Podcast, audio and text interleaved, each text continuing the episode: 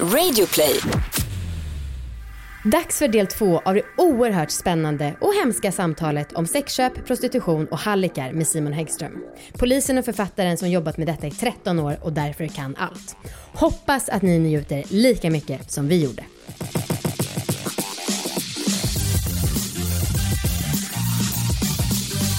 Hej och välkomna allihopa eh, till succépodden Alla våra ligg. Hej! Hej, det är Amanda.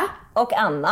Och eh, det här är en podd om sex, sexualitet och om att äga sina val. Ja, och vi är ju mitt uppe i inspelningen med Simon Häggström som eh, ni förhoppningsvis lyssnade på förra veckan. Ja, och annars så tycker jag att man ska pausa det här avsnittet och lyssna på del 1. Ja.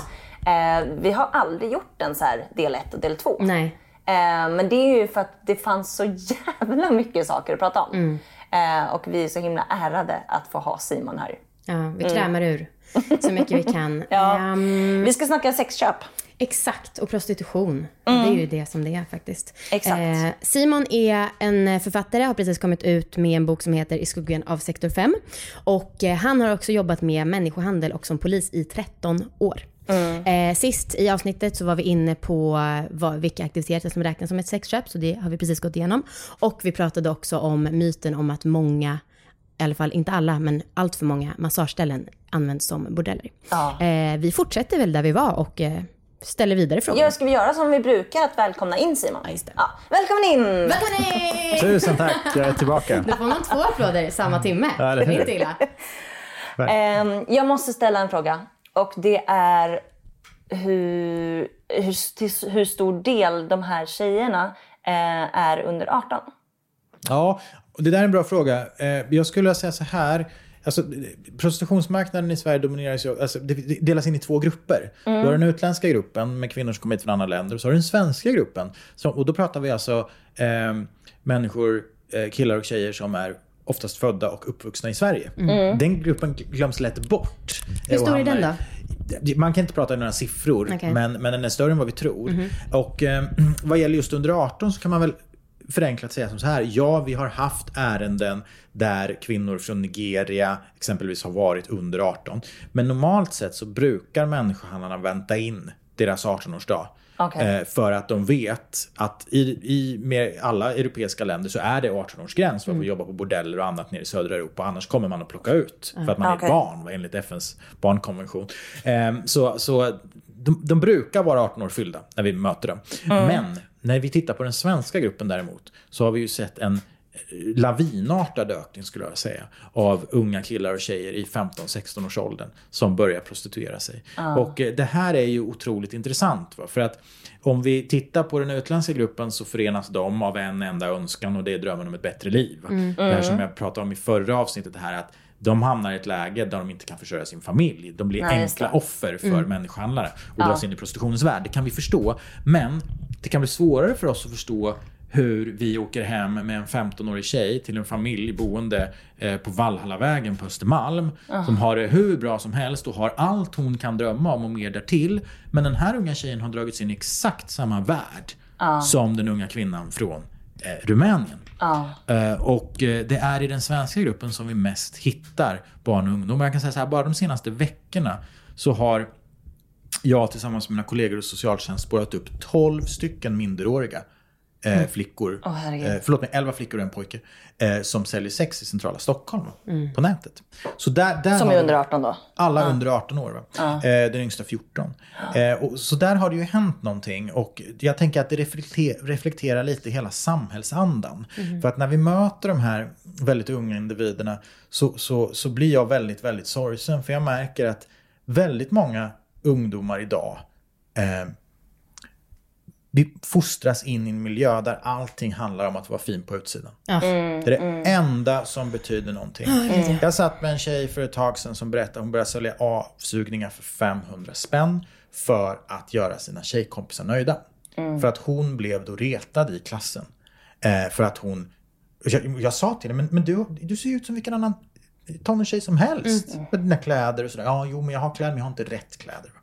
och jag bor ensam med min, min mamma och min lilla syster. Vi har inte råd liksom. Och, och då kan man ju tänka sig att det är ett enormt stort steg att börja sälja sex. Fast vi vet vad grupptryck. Man vill inte vara den där. Den där som andra tittar snett på. Eh, vi är, vi är speciellt i tonåren, jag tror att vi alla kan minnas saker som vi gjorde i tonåren som vi bara känner herregud, mm. hur skulle jag kunna göra idag? Så, så att jag, jag, är väl, jag, är verkligen bedrövad över det, för vi möter så många unga killar och tjejer som och det är allt det här med sociala medier, det är influencers som mm. bara liksom Allting handlar om en enda sak, var fin på utsidan. Mm. Sen om ditt inre är ett kaos, det spelar ingen roll. Det viktiga är att du köper mina prylar, köper min väska eller att mm. du är mm. sexig. Du ska, mm. vara, du ska helst vara sexig dygnet runt. Mm. Liksom, du ska alltid vara liksom, kåt och villig på något mm. sätt. Och det här får ju ett, ett, ett bakslag. Helt klart. Och det är de kidsen som vi träffar. Som, som liksom kanske inte har så många, inte alltid så närvarande föräldrar. Kan vara bra föräldrar men säkert de är närvarande. Och då så börjar man söka, det var som en ung tjej sa till oss, som sa så här, Simon, det är bättre med dålig bekräftelse än ingen bekräftelse alls. Oh. Tycker hon, hon sammanfattar det hela ganska bra. Ja. Usch, jag såg en, eh, jag, jag har laddat ner TikTok för ett tag sedan och, för jag, och jag blev helt fast. Jag kan scrolla där hur länge som helst och känna mig lite eh, obekväm eftersom jag är så jävla mycket äldre. och det känns som man tittar in i ett pojkrum eller flickrum. Typ. Men då såg jag en video med en tjej, det här var typ bara för några dagar sedan, som så putade med läpparna och var så här supersexig. Och så stod det bara så här, funderar på att börja, man kanske ska börja sälja, sälja sex. Va? Ja. Eh, och hon var såg ut att vara 15 typ. Åh nej, och då var det säkert jättemmånga gubbar som skrev ja, ja vilken bra idé, jag kan köpa Det försvann liksom. Uh. Men eh, det är så jävla obehagligt. Det är så Men, enkelt också.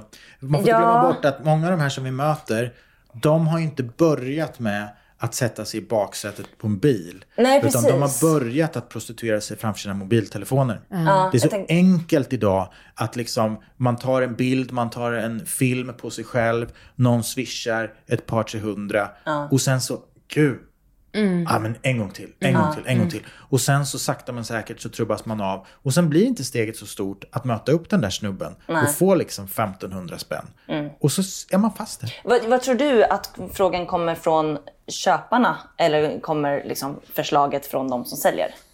Hur menar du? Alltså den första frågan. Eh, skulle du vilja Jaha, köpa mer? In, in, eller liksom... Initiativet. Ja.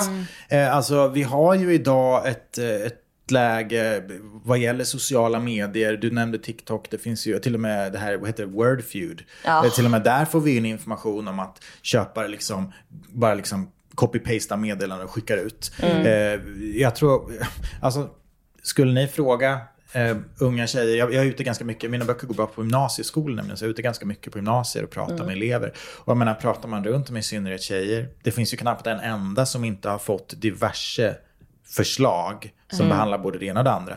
Så tyvärr så är det ju normaltillstånd idag där liksom man, all, de här männen härjar ju fritt. Och det är ju väldigt svårt för oss att komma åt dem. Mm. Eh, både sig lagstiftningsmässigt men också liksom med att man kan gömma sig bakom alla de här liksom, användarnamnen. Mm. Mm. Så att eh, köparna ligger på rejält. Eh, det gör de. Och eh, jag har haft ärenden där man har liksom copy, man har ett meddelande så copy-pastar man det.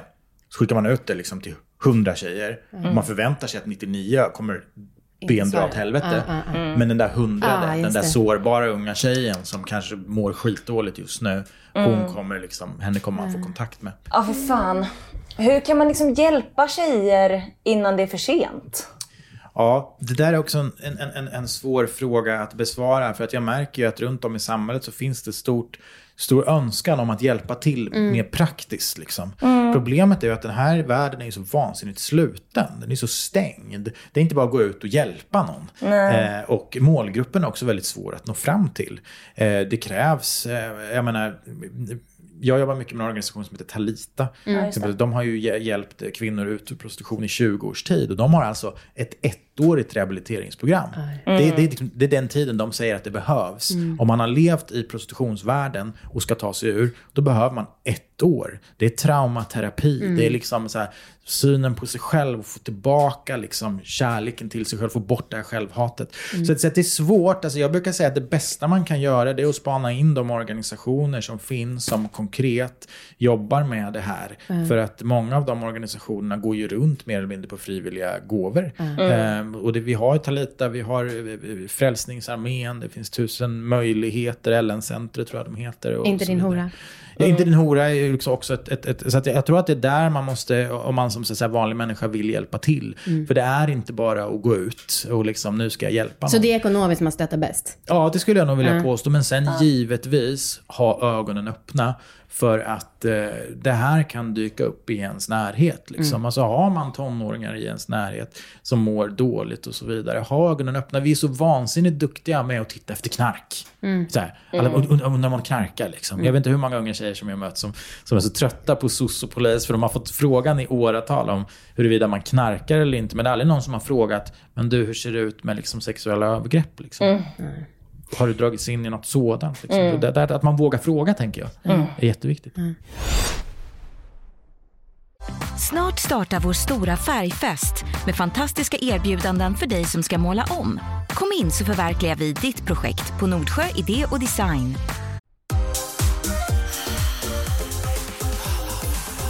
Jag har en reflektion och det är att eh, jag vet att många snackar om när eh, män mördar eh, så blir löpsedlarna “Hon blev mördad”. Det är mycket fokus på offret. Eh, är du med? Och så med, ja. tycker jag att rösterna säger att vi vill att det fokuset ska vara på förövaren. Att det inte liksom att själva, är det verbsubstantiv eller? Eh, eller ja, det är jag som är författare men jag passar på det. ja, ni vet själva verbet, alltså, eller fokuset ska inte ligga på att man blir mördad utan att på att någon mördar. Ja, mm. Men när det var den här Paolo-gate, då så var det ju väldigt många som var upprörda över att eh, fokus blev på eh, förövaren. Alltså, och där var det lite tvärtom då. Och jag kan förstå det, för man hade kanske inte intervjuat en person som var en mördare dagen efter han hade begått ett mord.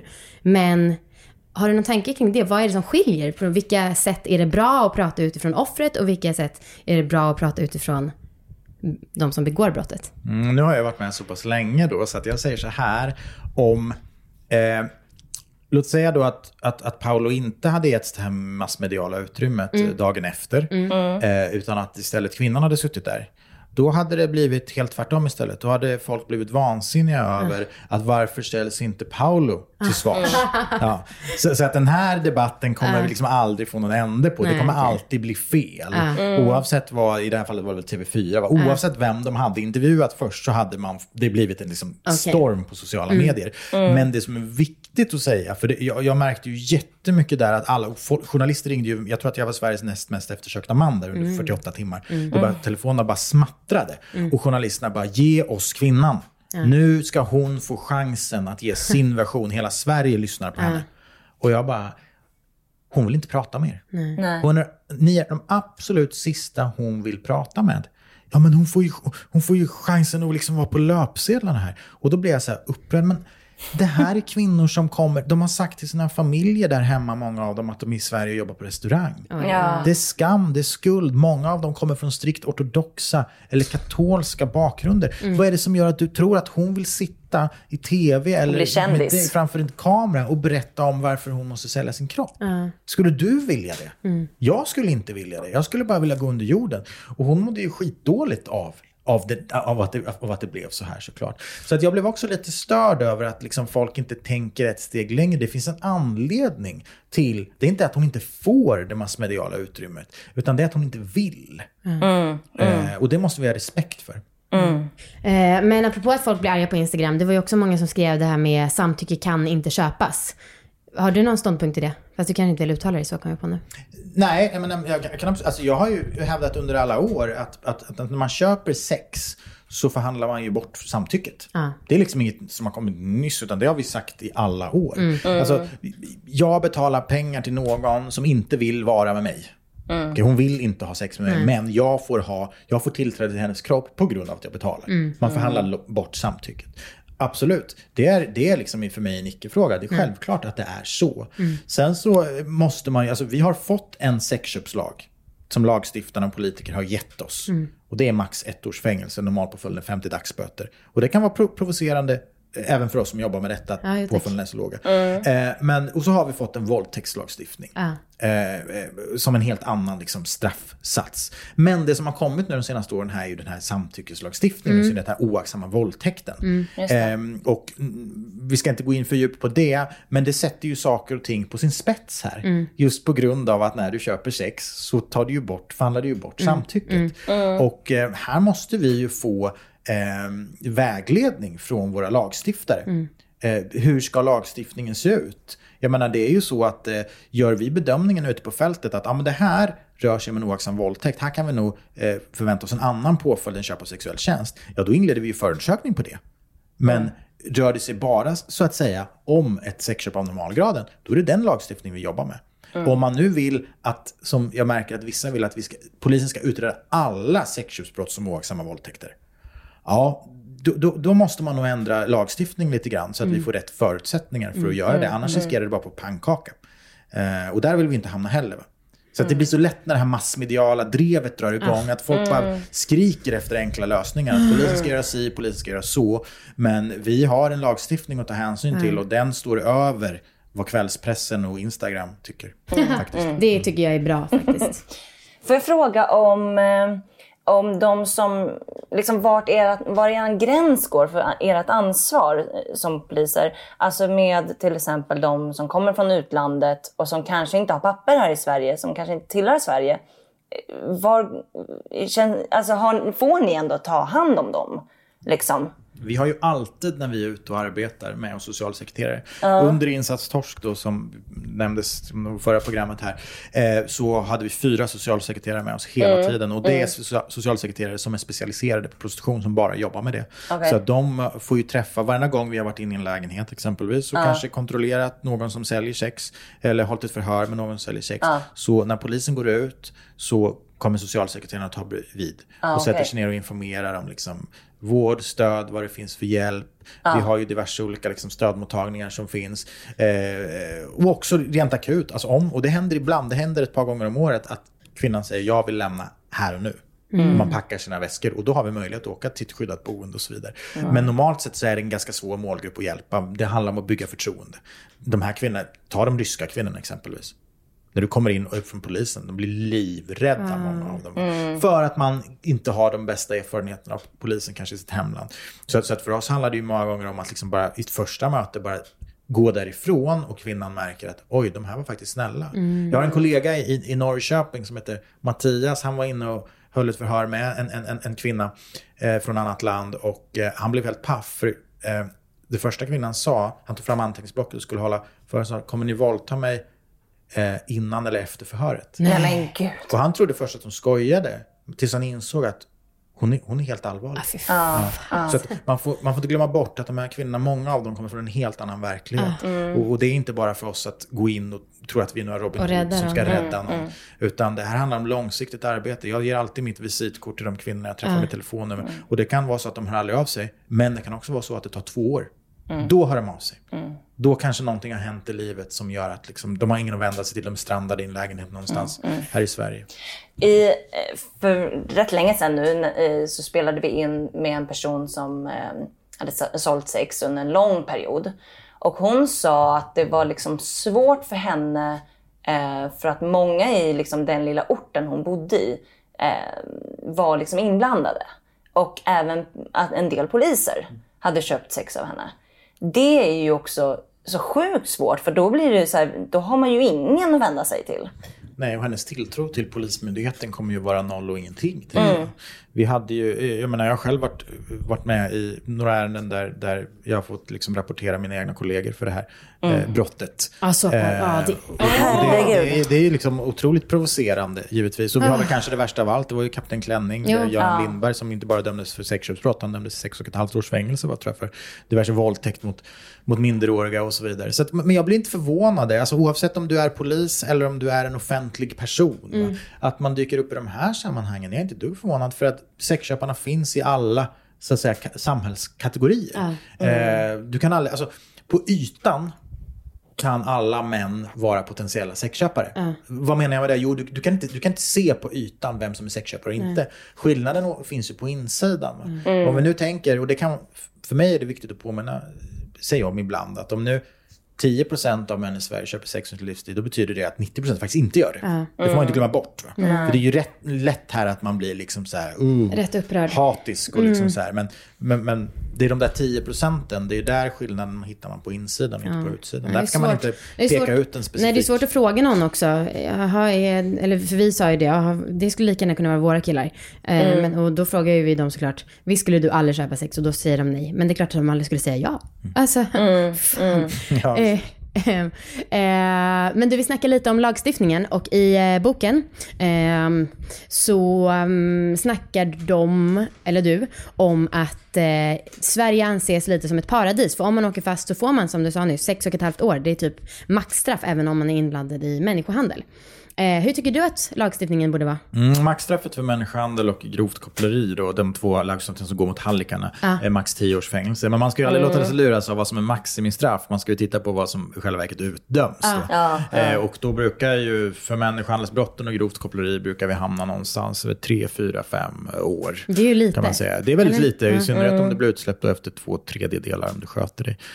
eh, så att, men men det, det har inte bara att göra med den här problematiken. Det är vi överlag i Sverige, vad gäller all typ av brottslighet, så, tycker vi inte om att sätta folk i fängelse några, några längre perioder, om det inte är de riktigt grova brotten. Eh, och, och det är klart, jag, jag, Andrei där minns jag, Och det ska vi påminna bara, det är alltså en Ja. före detta hallick som i boken har skrivit ett förord. Eh, som säger att jag önskar att det här vore en fiktiv bok, men det, tyvärr är det mesta ganska verklighetstroget. Andrei berättade för mig så här, han sålde ju kvinnor i Stockholm, Göteborg och Malmö. Eh, och han berättade, han berättade för mig att han var aktiv i England innan han eh, började i Sverige. Och anledningen till att han började i Sverige var för att han hade en en polare som också var hallick, som sa så här, du skit i England, där straffen är hårda där. Liksom. Det är så här, jag vill säga anglosaxisk rätt, liksom. det är långa fängelsestraff. Dra till Sverige istället, polisen tog mig, jag fick tre månaders fängelse, jag fick bo på hotell och spela golf. Och det var det som gjorde att, det var det som gjorde att André valde att gå mot Sverige Ja, det istället. hade jag med gjort. Ah, Eh, ah, men jag tycker också att man hör jättemycket om att hårdare straff inte korrelerar med brottsligheten. Ja, det beror ju på hur du ser det. Går du ner på individnivå så är det så att en människohandlare kan inte människohandla om man sitter i fängelse. Nej, Nej. Så enkelt är det. det är verkligen enkelt faktiskt. Hur är det liksom jämförelsevis med våra nordiska grannländer? Ja, eh, Norge har ju en motsvarande sexköpslag eh, som Sverige har. Eh, Finland har en sexköpslag som säger att det är olagligt att köpa sex om du köper sex av ett människohandelsoffer, men inte om någon som gör det frivilligt. Oj. Vilket som det har visat sig vara väldigt svårt då, eh, och att, ja. att, att, att liksom avgöra då det. Eh, Danmark, eh, det är väl det som är då liksom lite raka motsatsen till Sverige, som kanske mycket annat också. Där är det ju lagligt då. Eh, att, att både liksom köpa och sälja sex. Mm. Ja. Så, men, men kommer vi ner i södra Europa däremot, vi pratar Tyskland, Holland, Schweiz, Österrike. Där har vi ju enorma bordellkomplex. Liksom, som är liksom, jag har själv varit och jobbat med polisen i flera av de här länderna och man tror inte att det är sant. Alltså. Eh, Pascha, Köln, eh, 12 våningar, 9000 kvadratmeter. med kvinnor från hela världens länder alltså, som, som säljs mer eller mindre dygnet runt. Där.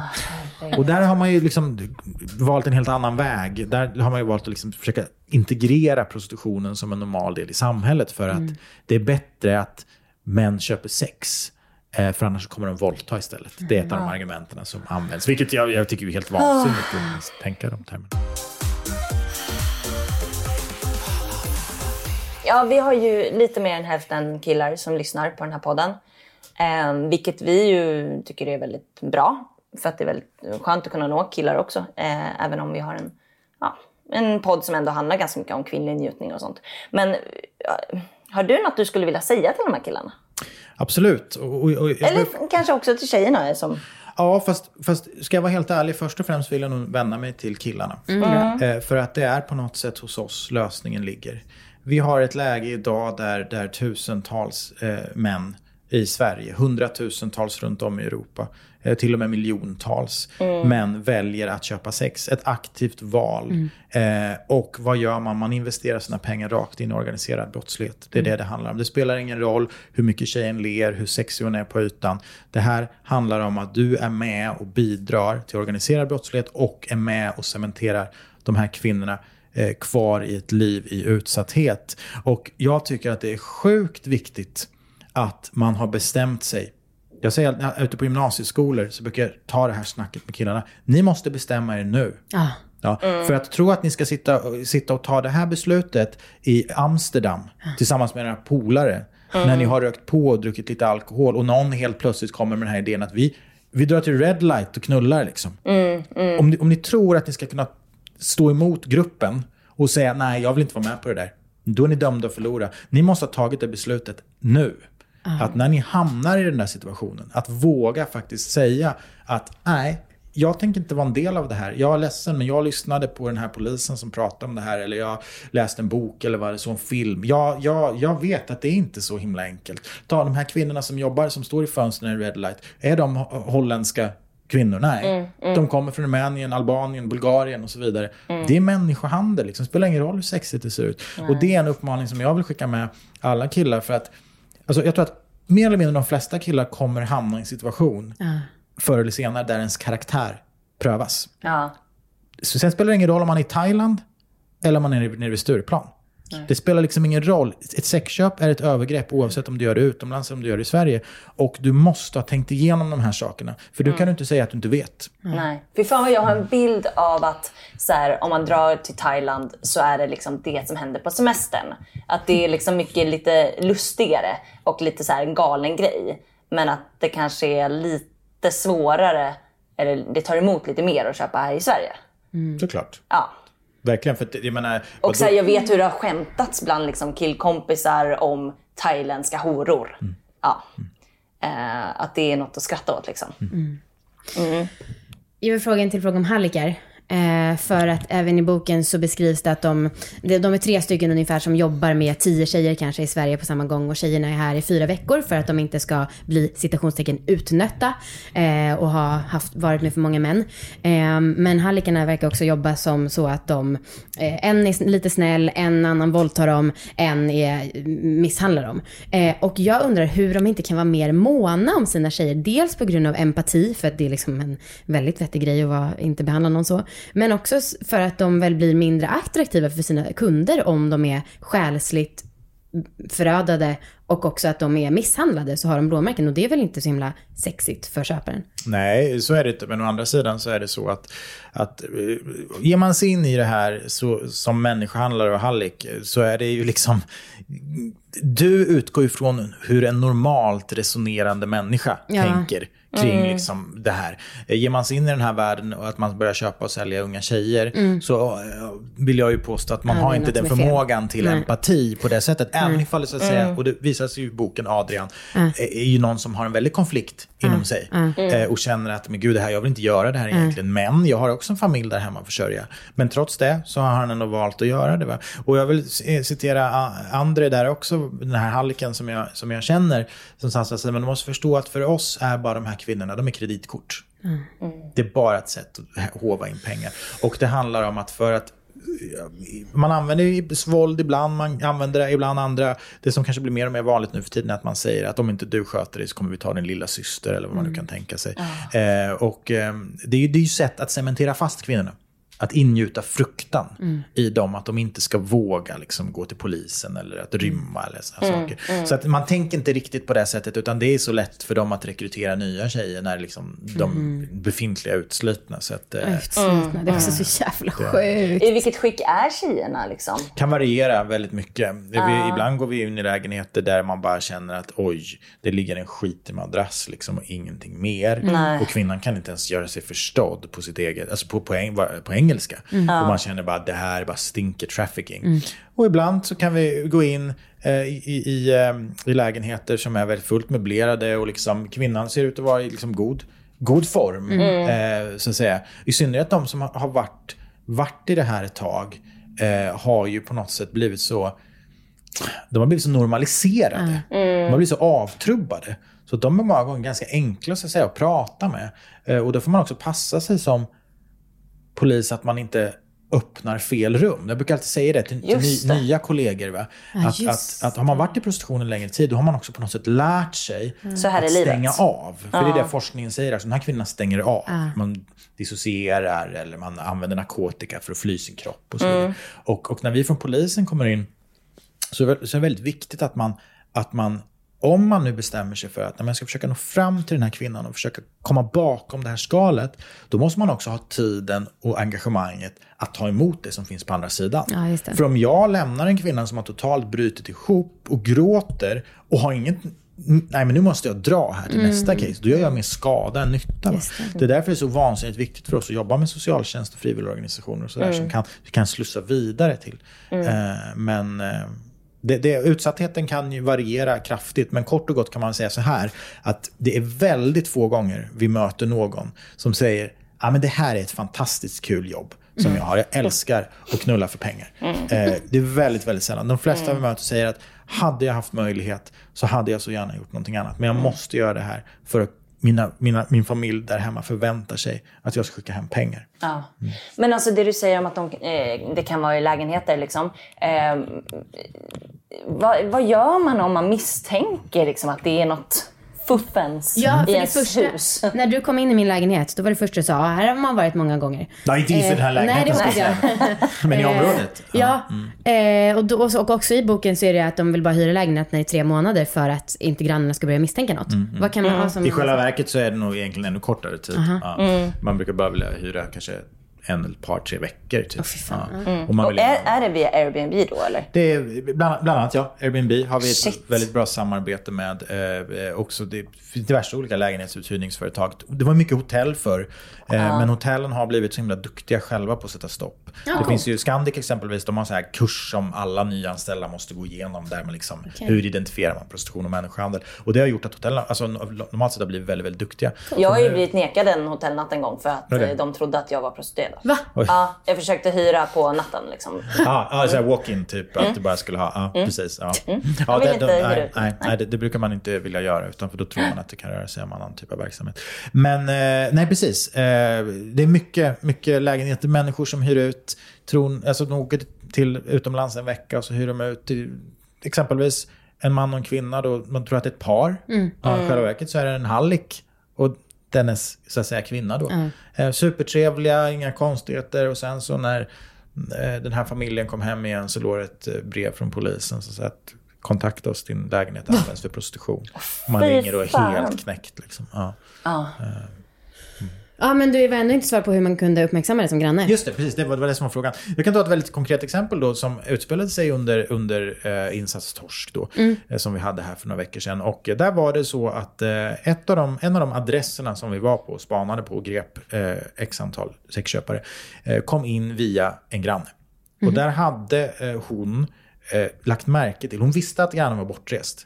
Och lagt märke till att det sprangs väldigt mycket till och från lägenheten. Det var, väldigt, det var väldigt rörelse liksom, mer eller mindre dygnet runt, sena kvällar. Det var snubbar som stod utanför, rökte, det var olika. Hon kände att det är något som inte stämmer här. Och hon hade liksom lagt upp ett plus ett, undrar om, om, om, om, om liksom det här om det rör sig om prostitution. Ringer in, tipsar polisen, 114 14, eh, eller skriver tips på nätet.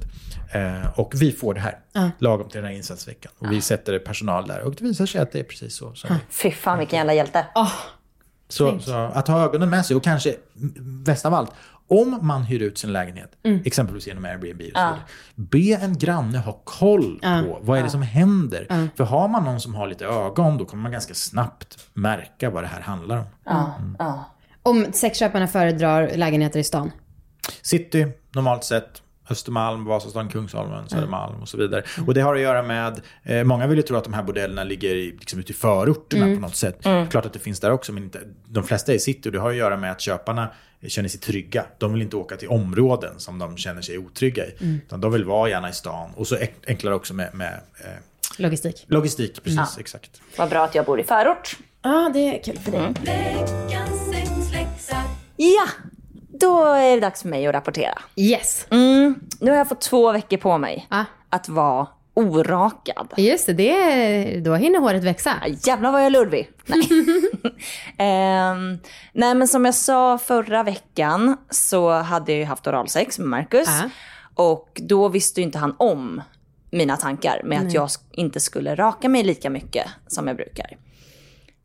Um, sen dess så har jag pratat med honom och sagt, jag har frågat honom, du märkte du något annorlunda med mig? Och då sa han först nej. Och sen så sa jag, men jag har ju eh, liksom slutat raka mig så mycket. Och, och då sa han, ja men det märkte jag. Okej. Men han sa liksom ingenting. Nej. Eh, och han var bara så här, ja det här är lite ny, nyinrätt. Nyinrätt. Ja. Helt sant. Eh, men han, ah, han har aldrig några liksom, han säger aldrig så mycket om saker. Nej. Så jag vet inte om han gillar det eller inte gillar det. Eh, men han har liksom inte, han bara, ja nej, du får väl göra som du vill. Ganska obrydd. Ja, och ganska vettig inställning. Ja. Jag har något minne av att antingen du eller han, men det är troligtvis du då, som har sagt liksom, nej, ho, rakat ska det vara.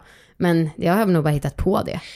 För det känns också som en, alltså, Nej, alltså han har faktiskt sagt någon gång att han gillar typ mer rakade ben. ah, Ehm, än, men det är mest benen liksom.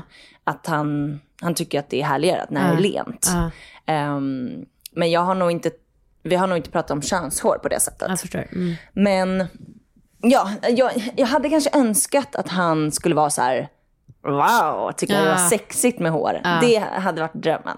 Men det gör han inte. Nej, men, men han tycker inte att det spelar så stor roll Nej, eller? han bryr sig inte. Nej. Nej, och det är också rätt skönt. Ja. Ja. Och jag, alltså det gick jättesnabbt att bli vän Ah, vad skönt. med mitt könshår. Shit, vad bra. Skitsnabbt. Alltså jag har rakat mig sen jag var tonåring. Åh, Typ på lite samma sätt. Ja. Och nu, nej men gud. helt ny standard. Gud, corona gör alltså att vi bara utvecklas och utvecklas. En sak jag har tänkt på, det är att det känns som att jag har mer kön än innan. På ett bra eller Jag dåligt vet sätt. inte om det är bra eller dåligt. Alltså inte att det är större eller sånt, utan mer, mer. Men det kan det inte vara det där med att eh, du vet, könshåren gör att man blir känsligare?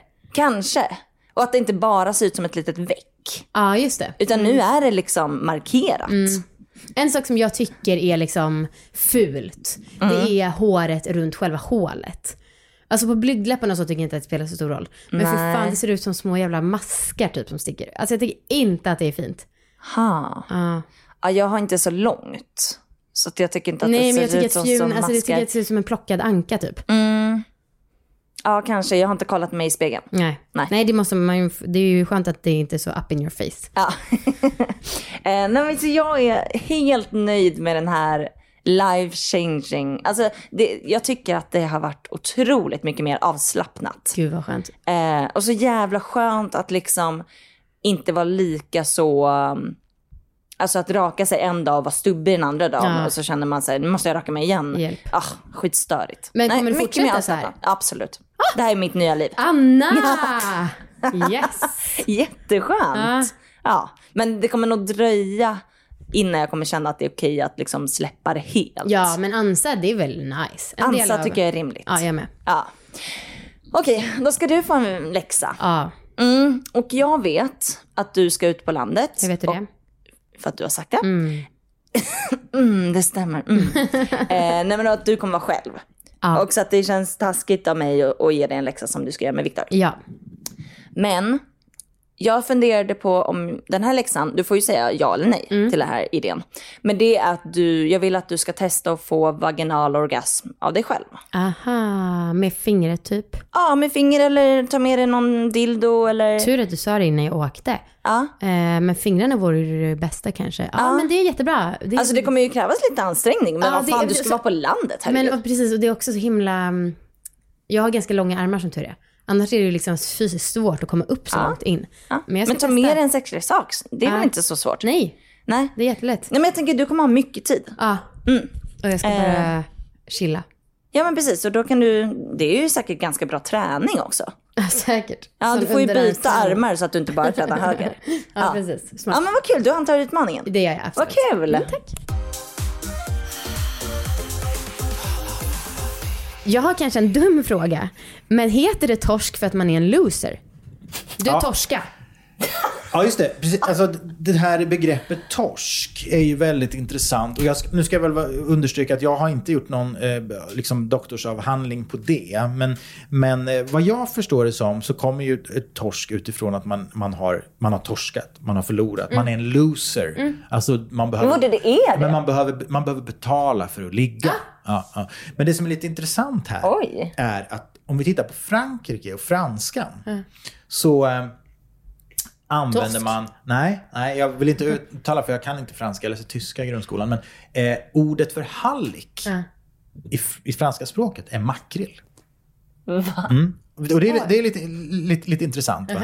Och så, torsken blir på något sätt den här Tittar man lite, lite nästan dumma fisken som ser lite så här komisk ut. Makrillen den är mer slimmad och smart. Och liksom så här, Som en räv lite. Ja, lite, liksom, även om den är kanske betydligt mindre så är den ändå den ser lite häftigare ut. Så att, eh, nu har vi ju inte eh, liksom, tagit till oss just makrill när vi beskriver halliken. Men jag tyckte det var ganska, lite likt. Ja, det var lite intressant. Hallick, Ja. Så att jag, jag ska, nästa gång jag träffar en hallick ska jag fråga, så, är du makrill eller? jag tror inte de kommer förstå. Fiskpodden är det Ja, nu. Eh, är det inte dags att avsluta? Jo. Ja. Ehm, vi behöver fråga vår sista fråga. Och det vad är ditt bästa orgasmtips? Alltså tillåt mig skratta. Alltså, men, eh, det, jag, de flesta frågor som jag får när man gör intervjuer är jag ganska vana vid att få. Men den här frågan var nog kanske, den har jag nog aldrig fått tidigare. Och eh, jag kommer vara så här, lyssnarna kommer tycka jag är så här jättetråkig nu. För att jag, jag har alltid varit så här, när man jobbar med sexualiserad våld eh, så måste man hitta liksom så här, vad ska man säga, överlevnadsmekanismer. Och för mig har det alltid varit sjukt viktigt att hålla isär vad som är arbete och vad som är privat. Och jag har aldrig eh, pratat om mitt privata. Eh, och eh, för mig är det sjukt viktigt att hålla på det. Eh, att det var det som liksom är mitt eh, personliga sexliv, det, är liksom, det stannar hos mig. Eh, men däremot kan jag säga så här, att, och det är så här, ja men det låter så här standardsvar, men absolut viktigaste att tänka på, jag tänker att det är liksom ett orgasmtips på ett eller annat sätt, det är att samtycket finns. Finns inte samtycket så, så kommer ni få problem med polisen förr eller senare. Eh, och eh, tänker man på samtycket, då får man aldrig problem med oss. Och samtycke går inte att köpa. Exakt. Därför köp inte sex. Bra.